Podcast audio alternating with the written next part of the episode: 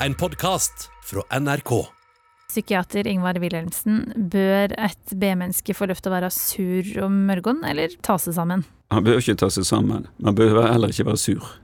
For vi regulerer vårt eget følelsesliv. Du hører på Etikketaten med Kjersti Anderdal Bakken. Ja, bør det være mulig å leve et B-menneskeliv, eller må alle, både A- og B-mennesker, finne seg i å starte tidlig på jobb og bidra fra første stund? Det er et av de etiske dilemmaene panelet skal diskutere her eh, i dag. Og så lurer en mamma og en pappa på når er det greit å le av ungene? Er vi en gjeng mobbere når vi parodierer lærere og ler høyt av det etterpå? Jeg vet at du, eh, Ragne Grande, er veldig opptatt av å le, og du får ofte andre til å le eh, når du står på scenen på Trøndelag Teater. Eller så får du folk til å grine. Det skjer også. Men har du ei tid på døgnet der du ikke funka? Før kaffen på morgenen. Hvor fort kommer den? Kaffen, så fort de stiger opp. Ja. Ja, det er mens grauten til ungen min koker, så setter jeg på kaffen. Og etter da, så er jeg i gang. Bare sur over grautkjelen. Eh, Ingvar Wilhelmsen.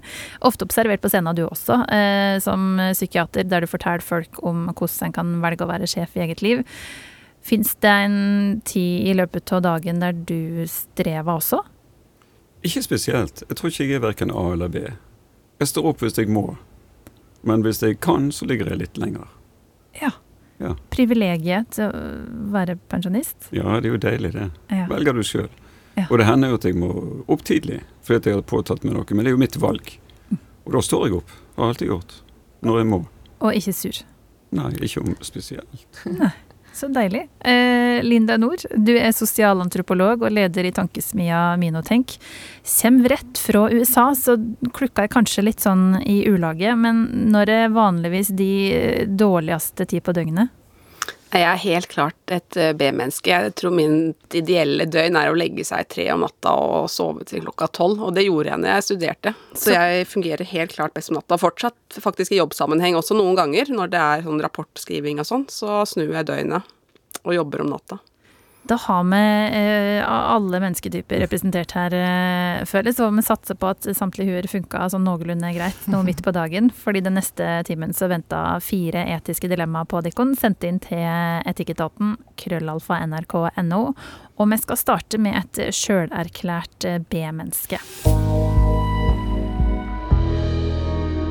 Hei, jeg er virkelig et B-menneske, og ikke en sånn som bare liker å sove lenge i ny og ne. Jeg kan karre meg på jobb til klokka halv ni, men jeg er mutt og gjør sjelden noe fornuftig før klokka har passert ti.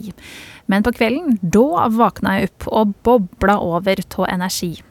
Jeg har virkelig prøvd å endre døgnrytme, men jeg greier det bare ikke, skriver Jens. Og her i Etikketaten spør vi da skal samfunnet legge til rette for at B-mennesker skal få være som de er, eller må det tilpasse seg samfunnet sin rytme? Ingvars. Altså, forskning viser at sånn 15-20 av oss mener at en er B-menneske. Men kan vi være født B-menneske? Altså Det som vi skal huske på, er at det er nok en genetisk disposisjon. Enten liker du å stå tidlig opp og våkne tidlig, eller så er du det vi kaller B-mennesker. Men det er jo alltid slik at arv, det er ikke en skjebne. Det er begrensninger og muligheter. Sånn at eh, man kan endre døgnrytme. Men han sier han har forsøkt, men ikke fått det til. Spørsmålet om han har forsøkt hardt nok og lenge nok og vært motivert nok. For det har jo litt med motivasjon å gjøre. Så man kan endre døgnrytmen, men døgnrytmen settes jo ikke når man legger seg, den settes når du står opp, når du får lys inn i øynene. Sånn at det er jo en del kunnskap man må ha, og det har kanskje Kristian.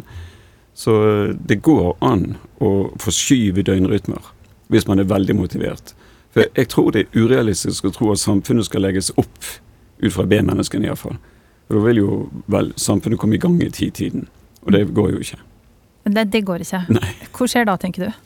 Nei, altså, vi må heller da, hvis du er ekstremt B-menneske, tenker jeg da, så får du tenke deg om eh, den jobben du søker på. Kan du forhandle? Kan du få lov å begynne å ha fleksitid? Videre. Sånn at man tilretter seg, eller innretter seg etter sånn som den jobben er. Og kanskje man faktisk ikke kan fungere i den jobben. Og da må arbeidsgiver være klar over det. At du har tenkt å være et B-menneske videre, så du kan ikke regne med meg før ti. Og hvis det er greit, så er det jo greit.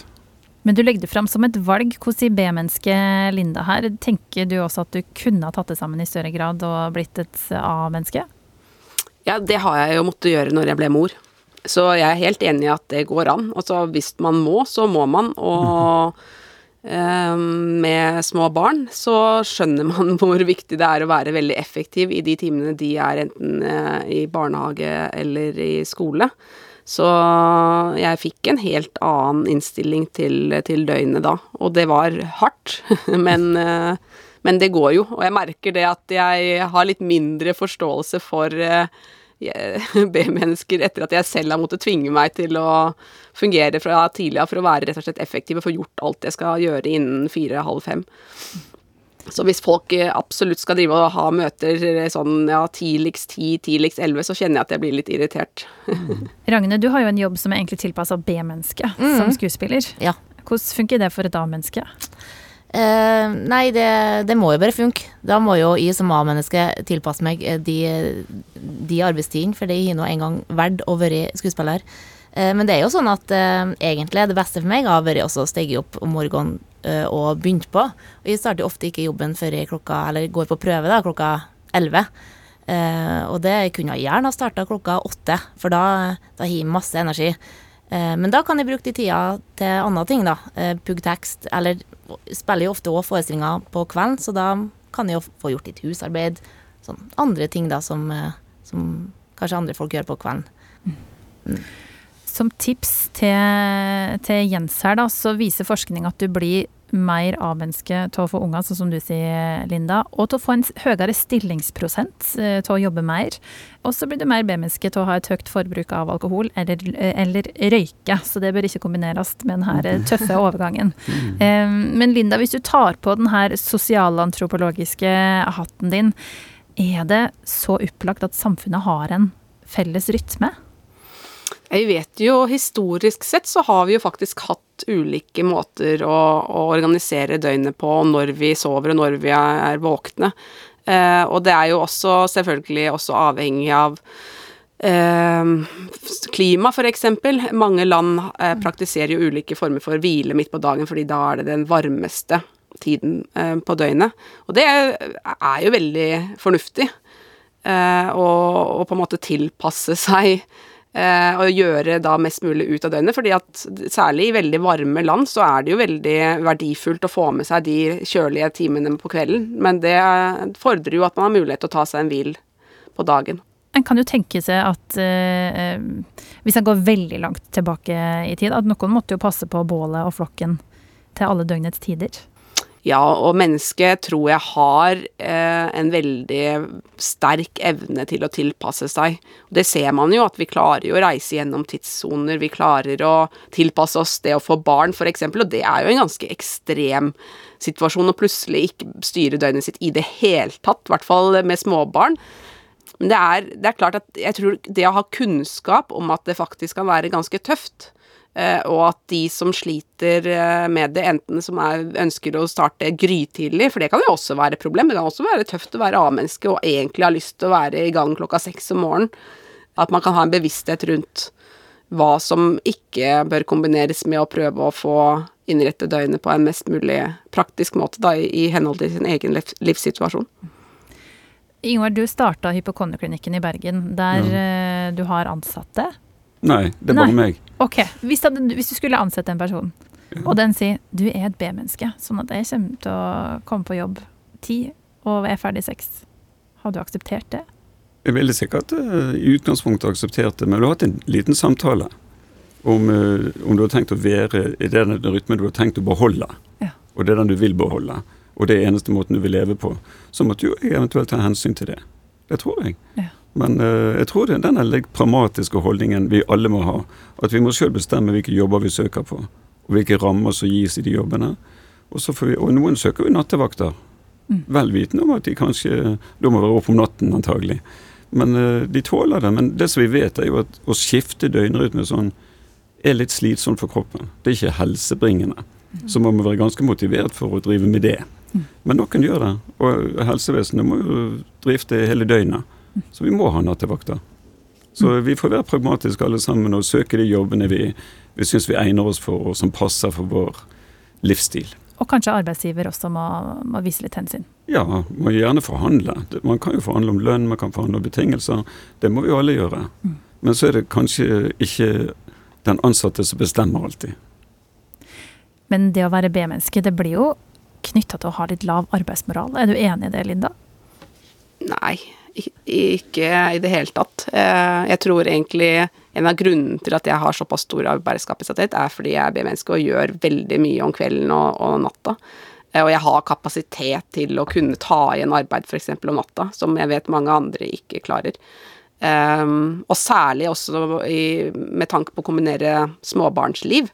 Så det at jeg kan ta igjen veldig mye jobb etter de har lagt seg om kvelden, f.eks. Um, det ser jo jeg på som en stor styrke. Men det er klart, det, det må jo være Det er veldig individuelt um, om livssituasjonen og den jobben man har, passer til det. Og det er klart at hvis, hvis ikke det er det, så hvis ikke det passer, så, så kan det jo bli en eh, ond sirkel. Og jeg tenker at det er veldig fint å være ærlig om det, for det går jo an å finne da måter hvor man kan ha en do, god dialog, og at ikke det blir At man ikke får en sånn irritasjon over at noen alltid er litt sånn nede og mutt før lunsj. Eh, men kanskje blir liksom gira utover dagen når andre begynner egentlig å bli litt sånn klar for å, å roe seg ned igjen, da.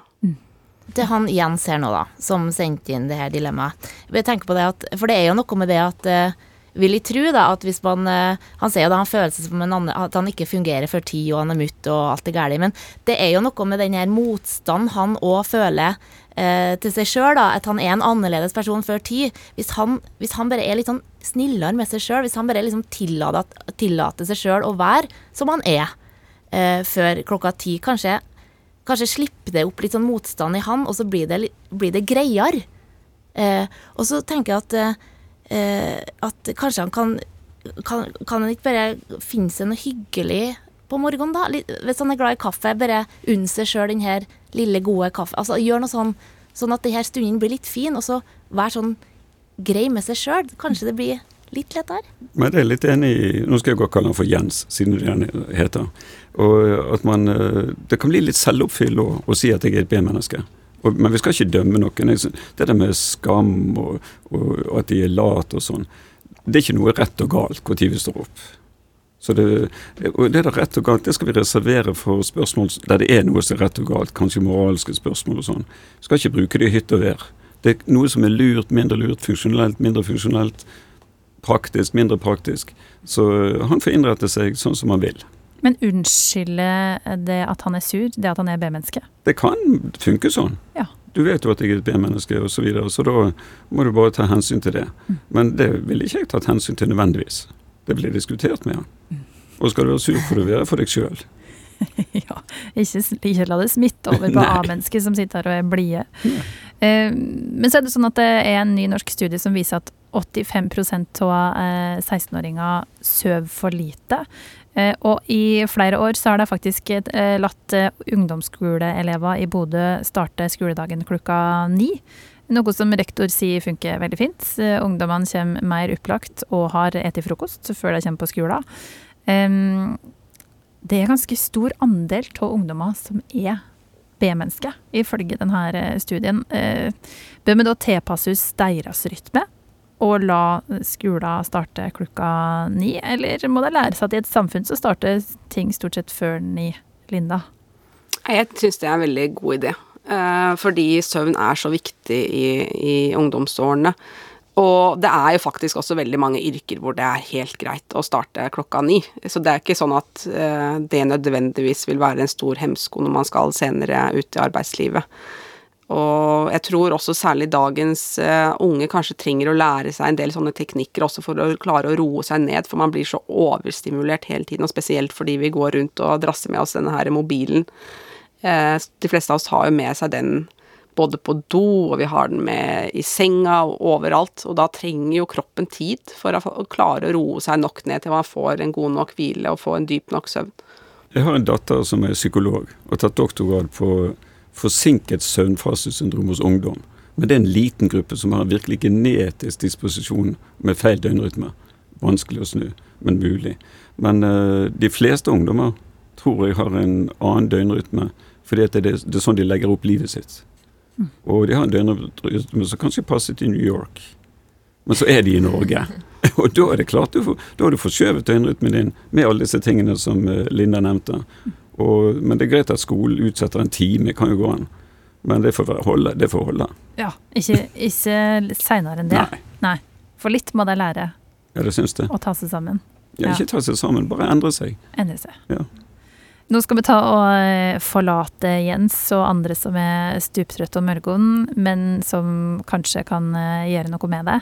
Har vi noe lært? Eh, og så skal vi inn i en heim fylt med unger og humor. Vi skal altså inn i et nytt dilemma sendt inn til Etikketaten, krøllalfa nrk.no. Og her i etaten foran meg, som heter Kjersti Anderdal Bakken, så sitter tre som stadig er å se på scenen. Linda Nord, leder for tenketanken Minotenk. Stemmer det at du har tala i Det hvite hus? Ja, det stemmer. Eh, for noen år siden, riktignok, men det var under president Obama. Så jobbet jeg mye med forebygging av radikalisering og ekstremisme, så ble jeg invitert til en konferanse om det. Og det var veldig spennende. Jøss, yes. så kult. Eh, det må være et mål, Ingvar, å holde foredrag der, kanskje? Eh, jeg vil ikke ha det som mål, tror jeg. Nei, ok, Du får holde det på den norske scenen? Ja, foreløpig. Ja, så du besøker ganske hyppig som eh, hypokonderlege. Og så um, Ragne Grande, vanligvis å se på Trøndelag Teater, har også en Hedda-pris i uh, premieskåpet ditt. Det stemmer. Hvor står den? Den står i bokhylla. I bokhylla. Så mm. du ser den? Hver dag. Oh, så deilig. Nå skal vi til det etiske dilemmaet til et eh, foreldrepar. Vi elsker å le i lag, mannen min og jeg. Vi ler av oss sjøl og av andre mennesker. Vi hermer etter dialekter, kroppsspråk og andre rare særpreg. Når vi er i lag med ungene våre, så roer vi det hele litt ned for at de ikke skal miste respekt for andre mennesker. Vi vil jo ikke såre noen. Men nå lurer jeg meg på om det sitter i genene, fordi nå kommer ungene hjem fra skolen og holder den ene lærerparodien etter den andre. Mannen min og jeg klarer ikke la være å flire, og ungene blir så glade. Men er det egentlig greit? Er vi mobbere? Helsing ei mor som elsker å le. Ragne, er det greit å parodiere lærere? Ja, det er greit. Jeg syns det høres kjempefint ut og lurt ut at denne familien møtes rundt middagsbordet og bearbeider inntrykk og situasjoner og kastet i livet. Og um, at unger får lov og tørs å le av Altså, de er jo underlagt så mange autoriteter i løpet av en dag. Kjempeviktig at de får ha at de får le av dem, sånn at de tørs å tenke rundt dem. Um, så det er jeg veldig for. Uh, og så må man jo uh, Og det er jo ikke bare lærere de flirer av her, da. Det jo, virker jo som de flirer av mange. Så man må jo bare sjekke inn og ha litt sånn husregler da, på at uh, det som folk ikke kan noe for, det trenger vi nå ikke å flire av. Men måten folk utøver sin posisjon og sin rolle i verden, det kan man ha skråblikk på da, og flire av, tenker jeg. Og så må man jo som voksen da, eh, bare sjekke inn med seg sjøl og så kjenne sånn Hvis man spør seg sjøl driver vi og mobber, driver vi og, og le for at de skal trampe ned og drite ut for å, for å bekrefte meg sjøl? Er det jeg driver på med? Hvis svaret er ja da, så syns jeg man skal eh, tenke seg litt om, for det, det fanger jo ungene opp, og det smitter jo å sette seg. Men, men hvis, det, hvis, det, er en måte å, å bearbeide dagen på og livet, så syns jeg det høres nydelig ut. Er du enig her, Linda? Jeg må si jeg syns nesten jeg ble litt sånn misunnelig på denne familien. Det høres jo veldig gøy ut. Um, men det er klart, man må jo snakke kontinuerlig med barna sine om hva det er greit å le av og ikke le av, og, og også kanskje ha en bevissthet rundt at noe kan være greit for noen og ikke være greit for andre. Um, ting er på en måte i et lukket, trygt rom som det f.eks. rundt middagsbordet er, men eh, vi vet jo også at mye humor eh, kommer jo ut på sosiale medier.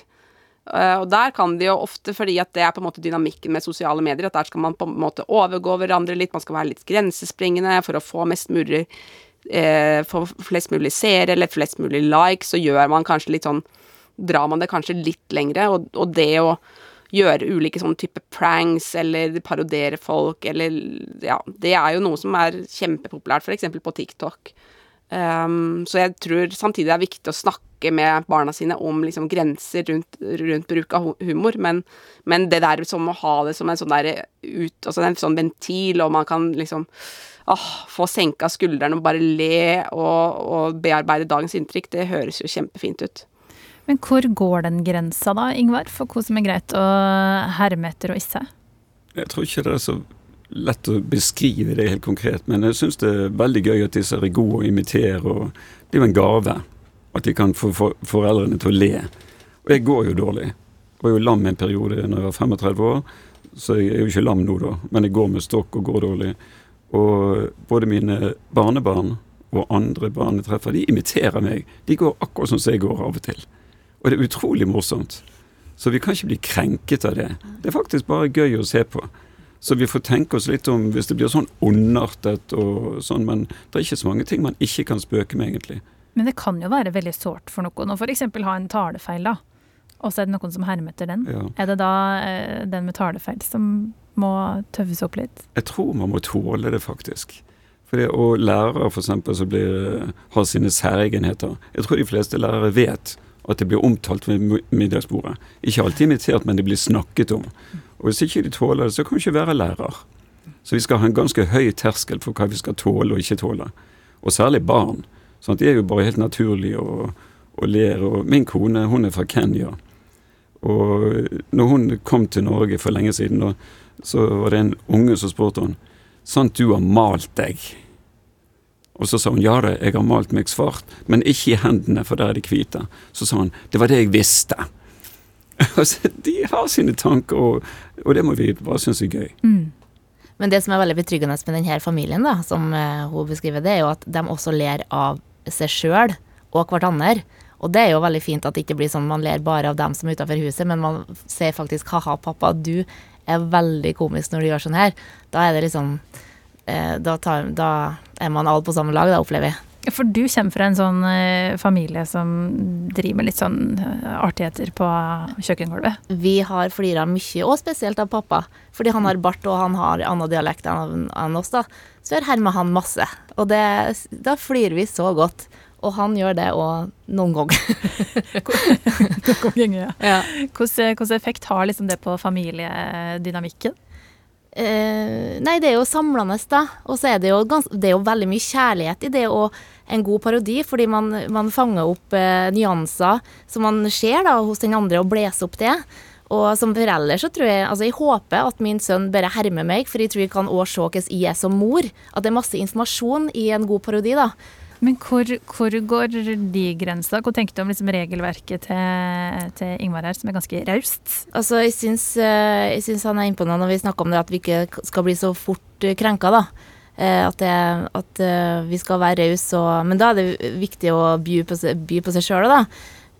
Men, men som jeg sa tidligere òg, ting som ikke folk kan noe for Man skal jo være, man skal jo være omtenksom, og man skal jo bry seg om den andre. Så man skal jo eh, kjenne litt på det, men det er heller ikke så veldig lett å sette en regel på det, for det er jo litt hvem man er sjøl, og hvem den her personen er, og setting. Det. Man må jo bare være litt sånn eh, eh, til stede i hver situasjon og med hver folk, så, så Og det er jo en øvingssak, det jo eh, Det er jo, det er jo noe man må bare trene seg på, og så gjøre noe feil, og så kan man alltid si unnskyld, vet du. Ja. Ja. Å nei, nå gikk jeg for langt. Ja, nå herma jeg barten din litt for godt. Unnskyld, pappa. Men hvis parodien er ondsinnet, da kan vi, kan vi snakke med dem. Hvis det blir ondsinnet. Ja. Men hvis det bare er gøy og Ja. godt ment, så får vi tåle masse. Når hadde du liksom satt ned foten, Linda, når ungene dine kommer tilbake fra skolen og parodierer læreren? Hva hadde du sagt? Det der var ikke innafor. Nei, det Særlig hvis det går på ting som, som på en måte jeg ikke syns det er greit å spøke med. Altså ting som f.eks. tenderer mot rasistisk, ville jeg nok vært veldig bevisst på. For det én ting er på en måte å få én sånn type etter ett sånn spørsmål om, sant, om hudfarge og sånn, men man skal også huske at personer som skiller seg ut på forskjellige måter, om det er med hudfarge, om det er med ulike funksjonsnedsettelser, så får man det ofte ganske mye.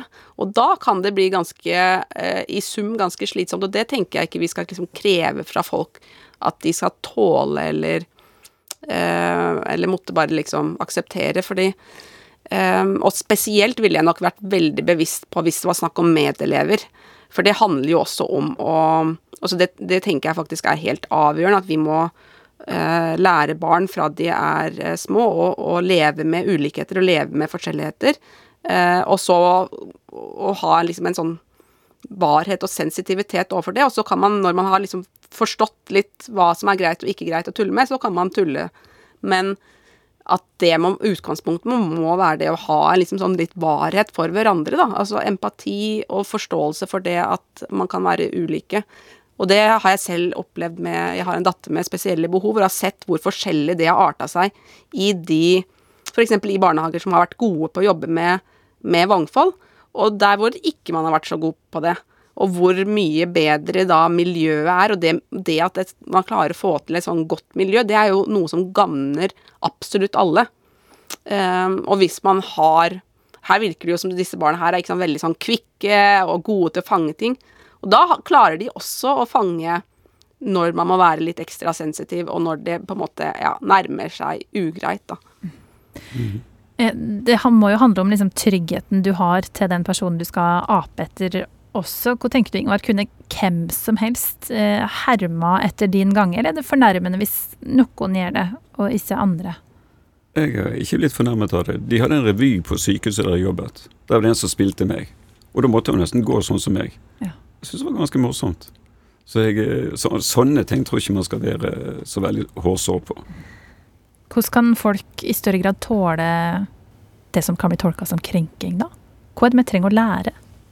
Det har jo noe med det å utvikle en sånn form for resiliens for, for livet generelt, som jeg tror er veldig viktig. Og, og, det er jo til en fordel for seg selv om man klarer å, å på en måte akseptere at ok, eh, nå kan man bli gjort narr av i noen situasjoner, og så eh, Hvis ikke det på en måte er et, i et mønster, og ikke noe som hele tiden skjer, så, så tror jeg de fleste vil, på en måte klarer å takle det helt greit. Men det er jo noe med det, det å bygge opp trygge, små mennesker som som også på en måte ja, blir forklart at det er ikke verdens ende eh, å, bli litt tulla med, men det vi må jo være klar over at små, små mennesker er også veldig, kan være veldig sårbare. Eh, og det kan Små ting som kanskje vi som voksne ikke synes er så ille, kan små, små mennesker eh, synes er veldig voldsomt. Så det er noe med det å hjelpe til å regulere og, og skape den derre tryggheten som gjør at man også kanskje vil tåle mer da, av livets eh, motstand, for motstand vil man få mm.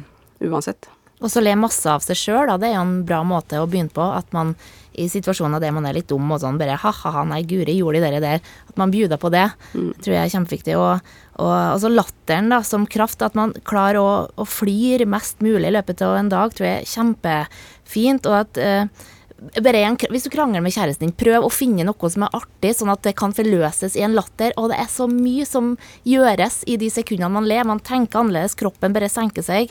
Og, og, um, og jeg mener Nå jeg skal jeg litt ut på dypt vann, men uh, jeg kan jo svømme, så jeg prøver meg. Men jeg, jeg mener det at Knausgård skrev i sin siste eh, Min kamp-bok at eh, hvis mange nok har flira av Hitler, så hadde ikke han uh, kunne oppstått som grusomhetens fenomen, da. fordi da, da kan da, da, tenker man nå, snakker, nå assosierer jeg fritt ut ifra det jeg sa, men da tenker man løsere. Man, man, blir ikke så redd, man gjør ikke dumme ting fordi man er underlagt noe. Man, man, man er liksom levende, da. Og så kraftig kan latteren være, tenker jeg da. Så, og jeg bruker ofte som ei rettesnor for om jeg har bra. Hvis det er sånn, jeg flirer hvis jeg, fli, hvis jeg flirer mye i løpet av den dagen, så da tenker jeg at jeg har bra. Og en gang, faktisk, så, så, så våkna jeg opp og tenkte Nei. Nå, da var jeg sammen med en kjæreste som ikke var så artig, og så våkna jeg opp og tenkte sånn Nei, nå har jeg ikke flira godt på kjempelenge. Gikk hen og gjorde det slutt. Så viktig syns jeg latteren er. Ja, latteren er jo glede, og det er jo en av de virkelig gode verdiene i livet. Så den må vi jo bare dyrke, og jo mer vi kan le av, og egentlig av oss sjøl selv, selvfølgelig, men også av andre. Ikke underartet le, men så alt som gjør oss glad, det må være av det gode. Og det er noen myter, f.eks. folk som er sint og har det i seg, de er veldig aggressive. Så, så er det en myte som vi mennesker tror på, at vi mennesker vi er omtrent som sånne trykkokere. Av og til bobler det og koker. Så da må du få lov til å slippe ut dampen. Og ektepar har jo opplevd det, de krangler, og så må de slippe ut dampen. Men, men, vi er ikke sånne trykkokere. Vi kan lære oss å regulere. For det som viser seg hvis du slipper ut dampen i en sånn ekteparkrangel, så blir man bare sintere.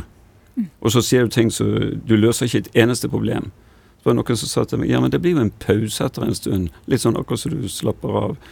Ja, men den pausen der, den heter utmattelse. Det er grenser for hvor lenge du slipper ut damp. Og så har du fått nye problemer som du må bearbeide. Så vi kan som mennesker regulere følelsene. Og hvis du vil bli, hvis målet er å være veldig sånn aggressiv og sint, så får du dyrke den, men det er jo ikke målet for de fleste. Vi vil ha det godt, vi vil kose oss, dyrke gleden, og da må vi le sammen. Mm. Så hvis eh, samboeren er elendig på å sette inn i oppvaskmaskinen, så i stedet for å kjefte, så kan du heller parodiere den her elendige egenskapen? For eksempel. Ja. Og så kan du si at utrolig irriterende når du gjør det akkurat på den måten, men jeg tåler det. Ja. Kan legge til det. Ja. Se hvor teit du ser ut. Ja, det er mye mer effektivt.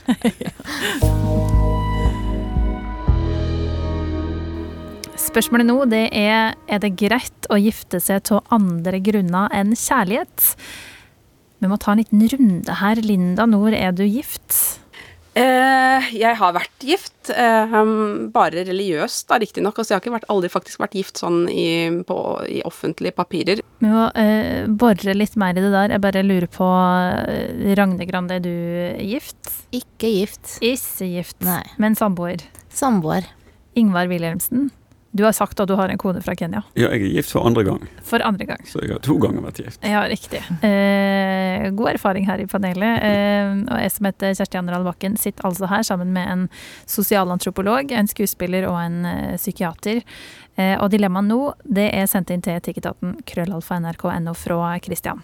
Hei, jeg har en kompis som gifta seg etter å ha vært i lag med kjæresten i under ett år pga. oppholdstillatelse. Sjøl vurderer jeg og samboeren min å gifte oss pga. skattefordelene og for å samle folk til en real fest. Å love at vi skal være sammen til døden skiller oss ad foran en prest eller lignende, det er ikke viktig for oss. Men samtidig så ønsker vi jo at folk rundt oss ser på forholdet vårt som varig, og da kjennes det som om det må et giftermål til. Men er det her egentlig motivasjon god nok? Helsing Christian. Tenker du at det er etisk rett å gifte seg for andre sin del, eh, Linda, eller fordi samfunnet legger opp til det? Det tror jeg veldig mange av oss gjør. Eh, og ekteskap er jo er jo en samfunnsinnretning. Det er ikke bare noe som gjelder to personer, det er det også i Norge. Det er derfor vi har så mye regler rundt det eh, som regulerer det. Så jeg syns jo det er eh, veldig naturlig at folk eh, gifter seg f.eks. For, for å være bedre sikra. Eh, hvis man eier eh, ting sammen, eller hvis man har barn sammen, så er det en del fordeler som man automatisk da får ved å være gift eh, på papiret, som ikke man får f.eks. med å bare være samboere. Så det er eh, Jeg tenker det er litt sånn no-brainer. Jeg, jeg, jeg, tror egentlig flere bør gifte seg, så ikke man kommer i sånne samboerfeller. Men tenker du da at vi skal ha en lavere terskel også for å gifte oss for andre, tredje, fjerde gang?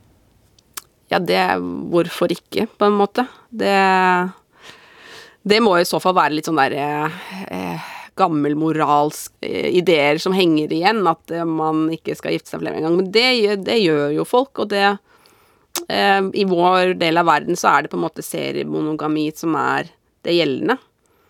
Eh, og da Og særlig hvis folk ikke sant, Vi lever jo fryktelig lenge nå, da. Så hvis folk eh, etablerer et seriøst forhold i, ung alder, så er det jo ganske naturlig at det vil skje endringer i løpet av et liv opp mot 100 år. Det er bare en litt sånn rar ting, tenker jeg. At ikke man skal kunne gifte seg igjen. Selv om man legger inn et sånt forbehold vi skal prøve å være sammen til døden skiller oss ad. så får vi se. Eh, men hvor ligger i det her religiøst betinga ekteskap, som du prater om at du hadde vært i? I islam så er jo ekteskap et, hvert fall et religiøst ekteskap, det er jo en betingelse for i det hele tatt å ha et um, samliv. Det er bare en religiøs um, Et rituale, på en måte, uh, som ikke registreres da offentlig. Så um, Men sosialt trengs for å kunne leve i samboerskap? Ja, for at man skal anerkjennes som på en måte legitime ekte, eller ja, legitime partnere, så, så er det viktig. Uh, men veldig mange registrerer det jo også. Så det er liksom et sånt, uh, sånt mellomtrinn? Eh, litt annerledes enn det en er vant til fra vår eh, kristne kultur. Kanskje litt sånn Erstatter kanskje litt sånn forlovelse, vil jeg si. Det å gifte seg uten at nødvendigvis det er så veldig dyp kjærlighet, er ganske vanlig, fordi eh, dyp kjærlighet kommer jo ikke før man har vært sammen en stund. Um, så ofte så gifter man, kan man faktisk også gifte seg for nettopp å bli bedre kjent i, i muslimsk kontekst. Eh, og i hvert fall tradisjonelt, det begynner jo å bli mindre og mindre vanlig nå, men tradisjonelt så har jo også ekteskap, og det gjelder jo egentlig store deler av verden, at ekteskap egentlig har handla om veldig mye mer enn kjærlighet. Det har handla om allianser, det har handla om økonomiske forhold. Eh, det, ikke minst handler det jo om disse rammene som vi som mennesker mener er viktig å sette for, eh, for familie, og særlig det med å, å ha barn, da. Ingvar, hvordan motivasjon er innafor, tenker du, når det kommer til å gifte seg? Det er sånn som Christian beskriver at uh, han er sammen med en hvert et år, og de har tenkt å holde sammen resten av livet. Det må være helt ok å gifte seg. Mm. Så får du det ordnet. og Når jeg giftet meg første gangen, i 74, da uh, var jeg ikke samboere. Men uh, da hadde vi den meningen at alle som skal gifte seg, bør gifte seg borgerlig. Sånn at det liksom samfunnet og regjeringen og styresmaktene tar seg av den delen. Så vi gikk først til byfogden, ble viet, og han fortalte for samfunnet hvor viktig ekteskapet var. Og så gikk vi i kirken etterpå, for vi ville ha en velsignelse fra kirken i tillegg. Og så hadde vi festen. Så sånn ordnet vi det. Og uh, samboerskap var ikke så vanlig den gangen.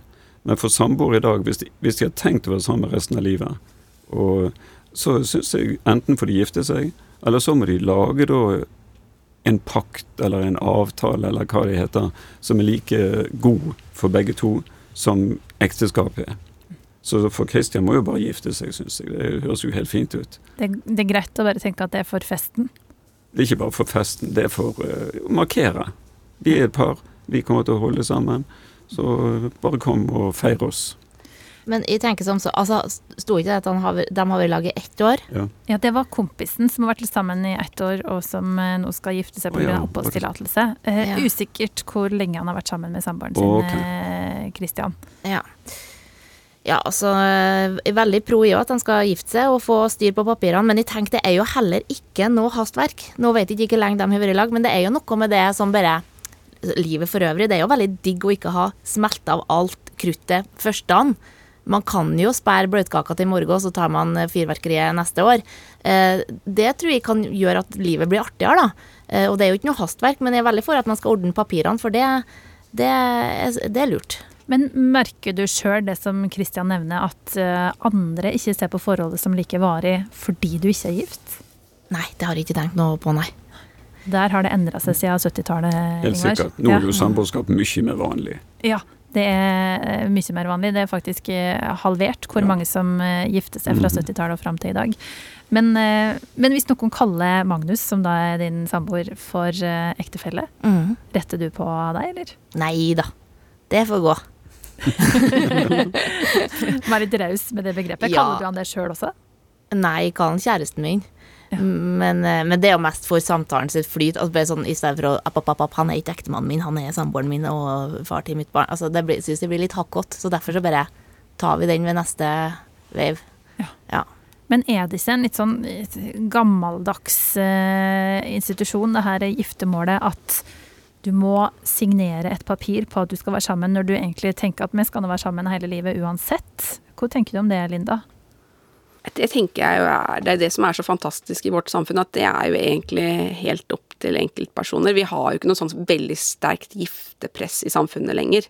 Og det viser jo også uh, tallene at det gjør, velger folk å gjøre som de vil med, om de bare er samboere eller kjærester, eller om de velger å, å formalisere det med ekteskap. Men det er jo noen ting i samfunnet som legger opp til at du skal være gift. F.eks.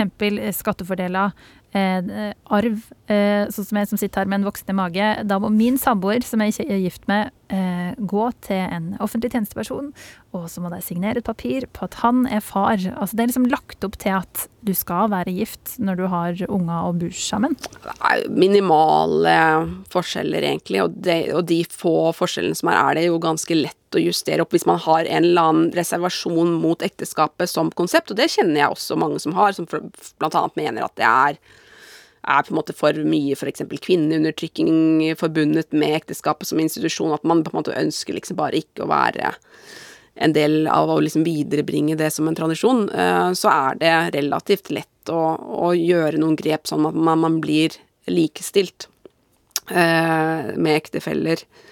Eh, men det er viktig å gjøre og ta disse grepene. fordi Én ting er på en måte hva samfunnet forventer, men det er også liksom alt det praktiske. Det med å ha barn og det med å ha eh, eiendeler sammen. Det har litt på stell, da, fordi at vi vet jo statistisk sett også at veldig mange forhold ender med brudd. Og da kan det ha vært eh, Altså man kan spare seg, spesielt hvis det er barn i bildet, da. Spare seg mye unødige konflikter og, og problemer hvis man har har liksom ordna litt av disse tingene på forhånd, selv om det er jo ikke spesielt romantisk. eh, men, men allikevel veldig viktig. Blir det en annen terskel for å gjøre det slutt hvis du er gift, eh, tror du Ingvar? At du liksom har lova det til noen andre enn paret internt? Det kan ikke jeg svare på, egentlig. For det, det må være enkelt samboerpar svare på hvor forpliktet de føler seg i forholdet. Så det har ikke jeg så veldig sterk formening om. Men jeg vil nå slå et slag for ekteskap i den forstand at det er greit for et samfunn å vite hvem som er par. Og, og, og, det er en slags forpliktelse i det. Det er det sikkert også for mange samboerpar, men jeg tror det er veldig individuelt. Så, eh, men sånn som han Christian beskriver det, at han har lyst til å gifte seg, bare gjør det. Det første der med, med for å få oppholdstillatelse, da får vi nå håpe at, de er, at det er et par, da. At det ikke bare er sånn for å lure en eller annen inn i landet. Det sånn, høres ut som det er et par. Ja, og da, ja. da er det helt greit, syns jeg. Ja, da er det jo veldig romantisk. Ja. ja. Og så behøver man jo ikke å ha en stor fest med en gang hvis man syns det blir for mye eller for dyrt eller hva det passer ikke. Det går jo an å gå til en byfogd, ta med noen forlovere og bli gift. Og så kan man ta festen den dagen man vil. Men hvorfor skal samfunnet bry seg om hvem som er i lag? Det er jo dette med de rettighetene, da. Det er jo det formaliserte alle arv, barn, foreldrerett, alt dette. Så man kan selvfølgelig skrive ordninger og registrere i Nav og hvor som helst. Men jeg tror det er en praktisk måte å, å ordne samfunnet på. Mm. Men til han Christian, da. Det er jo òg en mulighet, for det høres ikke ut som han er sånn kjempemotivert for det her giftermålet, men det er, det er festen, da, som er den store motivasjonen. Og det går jo helt fint å arrangere en fest òg. Og det går an å ha taler og god mat og venner og familie. Så, så hvis festen er det som virkelig er eh, tårtene her, da syns jeg kanskje han skal gå for det. For det er jo Jeg synes det, altså det er jo Aner ikke hvor lenge de har vært i lag. Det, det, høres ut som de har vært i lag kort, men det er jo ikke nødvendigvis sikkert. Men det er jo veldig hyggelig at, å være motivert for å faktisk velge hverandre resten av livet òg, da. At det ikke er bare ytre faktorer, men at det er faktisk fordi at jeg velger deg. Det er jo Hva er det beste argumentet ditt for å, for å gifte seg, da? Hvis du sier at du egentlig, du egentlig liker litt den tradisjonen? Ja, det, jeg synes det Altså, jeg er veldig glad i seremonier og, og, ritualer. Jeg tror det Jeg synes det henter fram noe veldig fint i, i oss menneskene. Det å bli det å stå framfor dem en er glad i, og, og si noen utvalgte ord, da, og begrunne for verden hvorfor man velger denne personen, syns jeg er veldig vakkert. Og, og, um, og, og så syns jeg òg det, det, altså det, gir noen fordeler av at da er alt greit. I tilfelle jeg skulle gå bort, så er alt ordna for familien din. Det er, veldig, sånn, veldig sexy at ting er på stell. Eh, men jeg tror òg det at den her, den her festen og den her, det kan gi litt sånn farge inn i framtida. At når man står der en tirsdag morgen da, og leverposteien flyr veggimellom, så er det sånn fint å ha noen sånne grunnpåler, og sånne flotte dager, og blir sånn uh, fargelekt av. Eh, så det det er like Altså, det er en stor motivasjon for meg for å gifte meg, da, at det er en sånn at, at det blir en dag. Ikke bare alltid rundt. For det kan man jo fikse på andre måter. Man kan jo skrive samboerkontrakt, og det har vi gjort. Og alt det tar bare litt lengre tid, litt mer styr, men, men det går an, det òg. Høres, at høres ikke ut som så lenge til du gifter deg, Agne Nei, men eh, Men nei, dere dere er jo to, jeg er klar over det. Ja, vi er det, vi- det, er det så vi er to. vi skal la den henge. Den henger vi. Ja. Eh, og så liker jeg at du sier at det er sexy at det formelle er i orden. Ja. Det kan være et godt argument Ja. for, eh, for Christian. Ja. Og at kanskje den festen det, det drypper litt ellers i hverdagen også. Mm. Det kan være en eh, god motivasjon eh, fra et eh, gifteklart og veldig gifteglad panel eh, her. Vi skal til det siste dilemmaet vårt eh, i Etikketaten, som handler om å selge gaver som en har fått videre. For Maja hun har nemlig fornærma bestemora si. Eh, Her er dilemmaet som hun har sendt til etikketaten krøllalfa nrk.no, og som da skuespiller Ragne Grande, hypokonderlegen Ingvar Wilhelmsen og Linda Nord, leder for tenketanken Minotenk, skal diskutere. I sommer fortalte bestemor at jeg dreiv og så etter hagemøbler til balkongen. Raus som hun er, så kjøpte hun en stor sofa og bord til meg, som plutselig ble levert på døra mi. Jeg ble så klart glad, men da jeg fikk pakka dem ut, så var det tydelig at bestemor har en helt annen smak enn det jeg har. Så jeg solgte det videre og brukte pengene på møbler som passa bedre eh, både for meg og den vesle balkongen min. Og jeg valgte å si det som det var til bestemor, men da ble hun fornærma og stempla meg som utakknemlig. Så jeg lurer på, skulle jeg ha beholdt møblene, eller var det greit å selge dem? Helsing Maja. Linda, hva tenker du om det Maja har gjort her? Jeg kjenner at jeg, jeg syns det her er et litt sånn vondt dilemma, fordi eh, hun har jo åpenbart klart å såre bestemoren sin. Jeg tenker jo for å kanskje forebygge noe sånt, så hadde det vært, kanskje vært lurt å ha en sånn dialog om det før man i hvert fall gikk til det liksom steget å, å selge gaven, da. Um, fordi det Jeg tenker at det var jo veldig snilt av bestemoren å gjøre noe sånn. Og jeg tror personlig eh, Nå var min bestemor veldig opptatt av at vi skulle like gavene, så hun var alltid sånn åh, vi måtte velge selv, og hun var så opptatt av det. Men om hun hadde gjort noe sånn, så tror jeg det hadde sittet veldig langt inne og solgt det. Kanskje fra an noen andre, men akkurat bestemor der, det hadde satt Det sitter langt inne og liksom skulle risikere å å gjøre henne lei seg. Og, og som, hvis det var sånne praktiske grunner at det ikke passa med størrelse og sånn, så tror jeg jeg ville tatt den dialogen før jeg solgte gaven. Så hadde du heller stått i og hatt en litt sånn eh, overfylt og rart møblert eh, veranda? Ja. Ja. Um, Jeg vil forsvarer at hun selger. ja, du gjør det, ja? Ja, jeg vil det. For at, eh, jeg syns at eh, det ikke er galt å selge, det mener jeg. Og, og men bestemoren gjorde jo en liten tabbe når hun ikke informerte på forhånd, mener jeg. Hun likte kanskje å overraske og sånn. Men vi må jo være klar over at en bestemor er en helt annen generasjon. Sånn at uh, det er ikke alltid samme smak.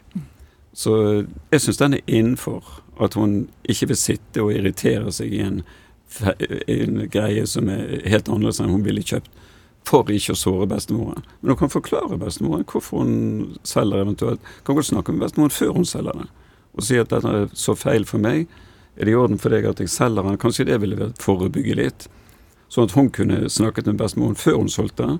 Men bestemoren kunne også snakket med henne før hun kjøpte. Så her får de ta litt ansvar begge to. Men jeg hadde et eksempel. eh, Jeg hørte noen venner som Det var noen som hadde fått barn da.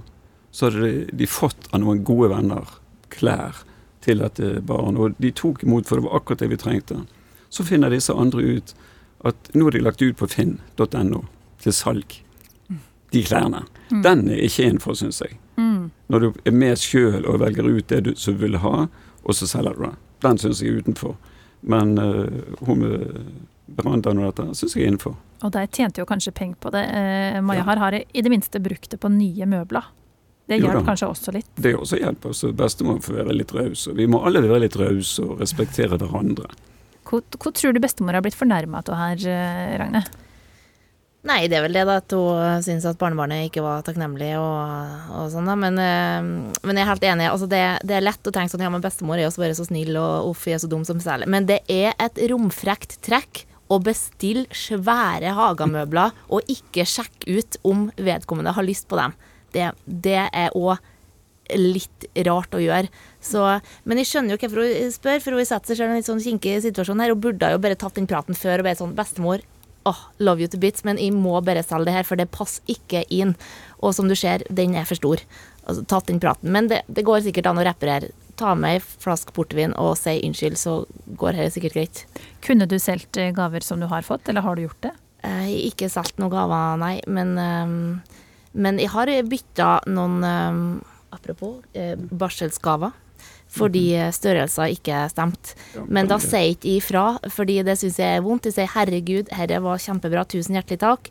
Eh, og så bytter jeg etterpå kun fordi at eh, garderoben skal vare lenger. Og det tenker jeg er innafor, fordi den byttelappen er på, og det er ofte i lag med barselsgaven blir sagt 'det er bare å bytte'.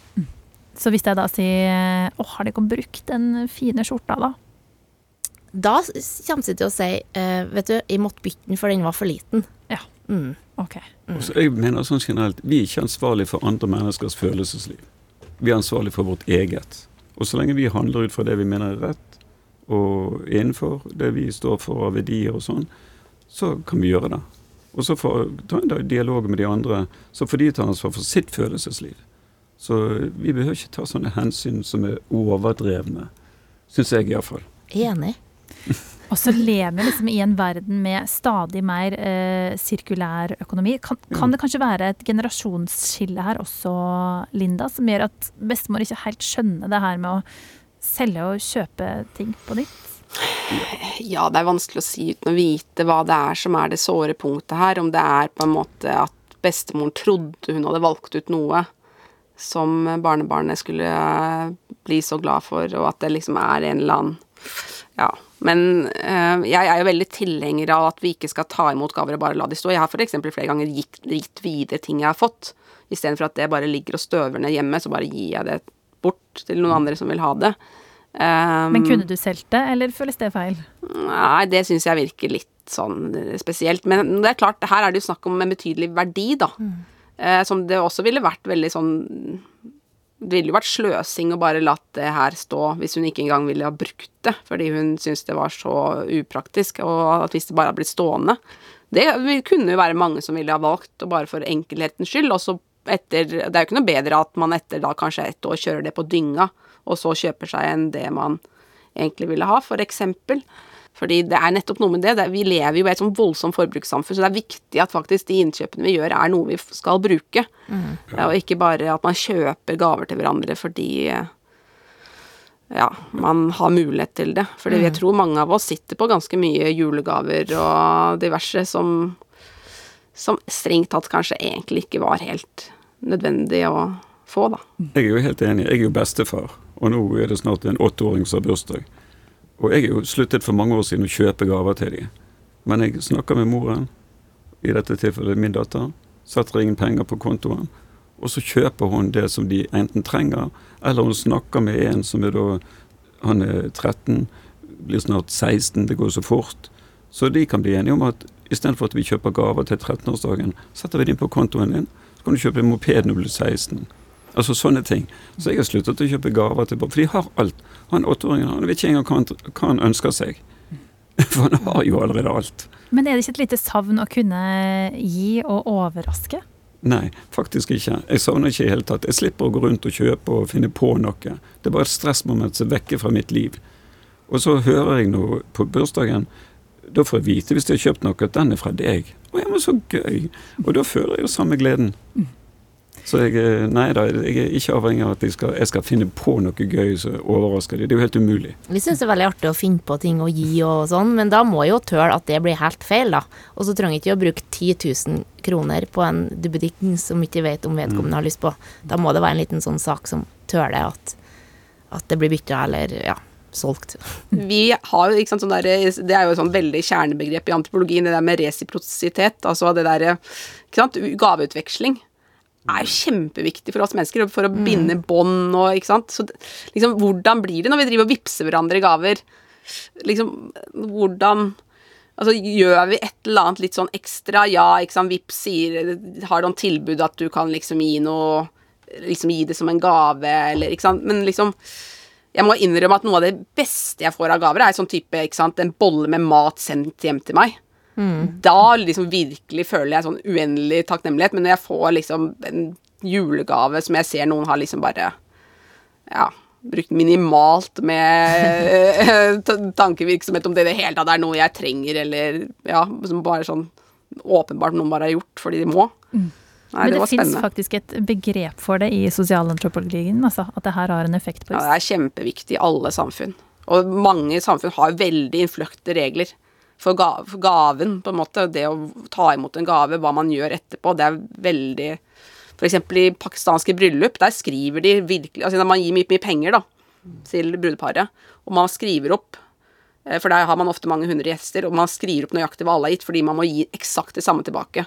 Hvis man ikke gir akkurat det samme tilbake eh, Man kan gi mer, men i hvert fall ikke mindre. For da kan man risikere å bli veldig sosialt uglesett. At man ikke liksom har fulgt kodeksen. Ja. Jeg har en bror. Til jul så vippser han meg, og jeg vippser han akkurat det samme beløpet. Og så slipper vi med de gavene. Men, men jeg har sagt til han du kan bruke det akkurat hva du vil. Og gjerne noe litt ekstra gøy. Så den, den er resiprok et eller annet. Hvor, Ja, men det er det. hvor taper det søskenparet her da, tenker du, Linda? Nei, jeg tror så lenge man har det sånn, ikke sant? Det er det at man må ha den Man må ha en, en eller annen form for avtale rundt det. Ja. Hvis det er det man synes er Begge to synes er det greieste. Men hvis den ene sitter egentlig og savner følelsen av å ikke sant, åpne opp opp knitrende papir og, og at man har gjort seg flid med ikke sant, Moren min, for eksempel, hun, hun vil at jeg skal drive og gå og lete etter gaver til henne. Og Ja. da gjør jeg det. Ja, Eh, og, og det gjør jeg med glede fordi hun vil det, på en måte. Skjønner, altså, hun hadde aldri blitt glad av få noe flakslodd og en tusenlapp på vips, liksom. Det hadde hun bare blitt fornærma av. Men hennes ansvar er at hun sier det til deg. Ikke sant? Ja, og Hadde ikke hun Ikke sagt det, så hadde du sluppet. Og hun kjøper jo også gaver uh, tilbake, ikke sant. Så det blir liksom når det, er, det er den utvekslingen som Mm. Ja. er på en måte kjerne, kjernen av det.